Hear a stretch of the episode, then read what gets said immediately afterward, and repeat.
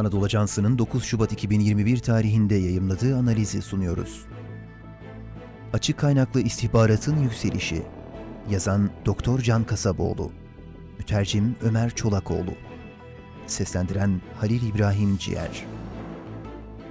En güzel zamanlardı, en kötü zamanlardı. Bilgelik çağıydı, aptallık çağıydı, inanç çağıydı, kuşku çağıydı, ışık mevsimiydi, karanlığın mevsimiydi, umudun baharıydı, umutsuzluk kışıydı. Önümüzde her şey vardı, önümüzde hiçbir şey yoktu. Charles Dickens'ın İki Şehrin Hikayesi klasiğinin bu açılış cümleleri Fransa'nın Fransız devrimine koşar adım ilerlediği bir sırada Avrupa'nın kalbinde yani Londra ve Paris'te hakim olan zamanın ruhunu ustaca tasvir ediyor. Gerçekten de enformasyonel, siyasi ve ekonomik açılardan çok uzun süren statükolardaki büyük değişiklik dönemleri en iyi ve en kötü zamanlardır.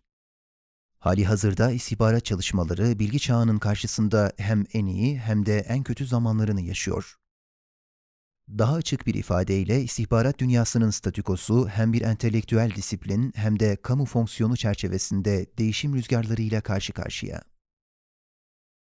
İstihbaratın cesur yeni dünyası Dijital çağın giderek daha baskın hale gelmesiyle istihbarat dünyası da köklü bir değişim geçiriyor. Oyun ve kuralları büyük olasılıkla bir daha asla aynı olmayacak. Akıllı telefonların ve sosyal medyanın savaş bölgelerine girmesi, analistler için açık kaynaklı istihbarat toplamanın altın çağını da müjdeledi.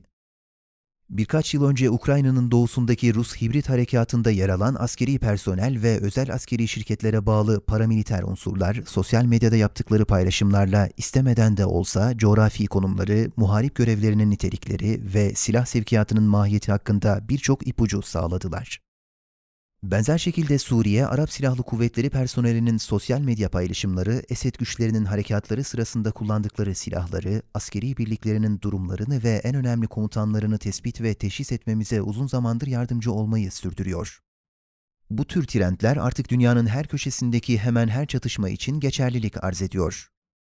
Devletin enformasyon güvenliğini yeniden tanımlamak.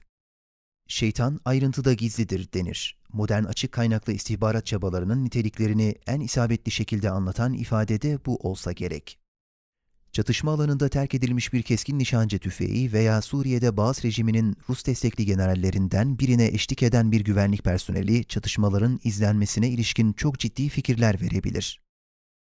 Burada bahsettiğimiz şey varsayımlara dayalı senaryolar ya da fütüristik çalışmalar değil, Bunlar siz bu makaleyi okuduğunuz sırada dünyadaki birçok düşünce kuruluşu, think tank ve özel istihbarat kuruluşlarının gerçekleştirmekte olduğu sıradan faaliyetler. Asıl mesele ise silahlı kuvvetlerin, diplomatik ve istihbari teşkilatların akıntıya karşı yüzmeyi becerip beceremeyeceği noktasında kilitleniyor. Bu istikamette çaba gösterdikleri muhakkak. Sonuç olarak gizliliğin niteliği değişebilir ve değişiyor. Edward Lucas, Foreign Policy'de 2019'da yayımlanan makalesinde dijital çağın egemen olduğu dünyadaki istihbarat operasyonlarının iş, finans ve hatta sporun ayrılmaz bir parçası olması sonucu istihbaratçılığın daha az ezoterik bir hale geldiğini savunuyordu. Lucas bu sözlerine şu çarpıcı tespiti de ekliyordu. Aşırı tasnif ve aşırı gizlilik ülkeleri düşmanlarından korumaz. Bu tür yöntemler olsa olsa bürokratları koğuşturmadan korur. Bununla birlikte gizliliğin başladığı sınırlar, işleri gizli tutabilmenin sınırlarıyla birlikte çoktan değişmeye başladı.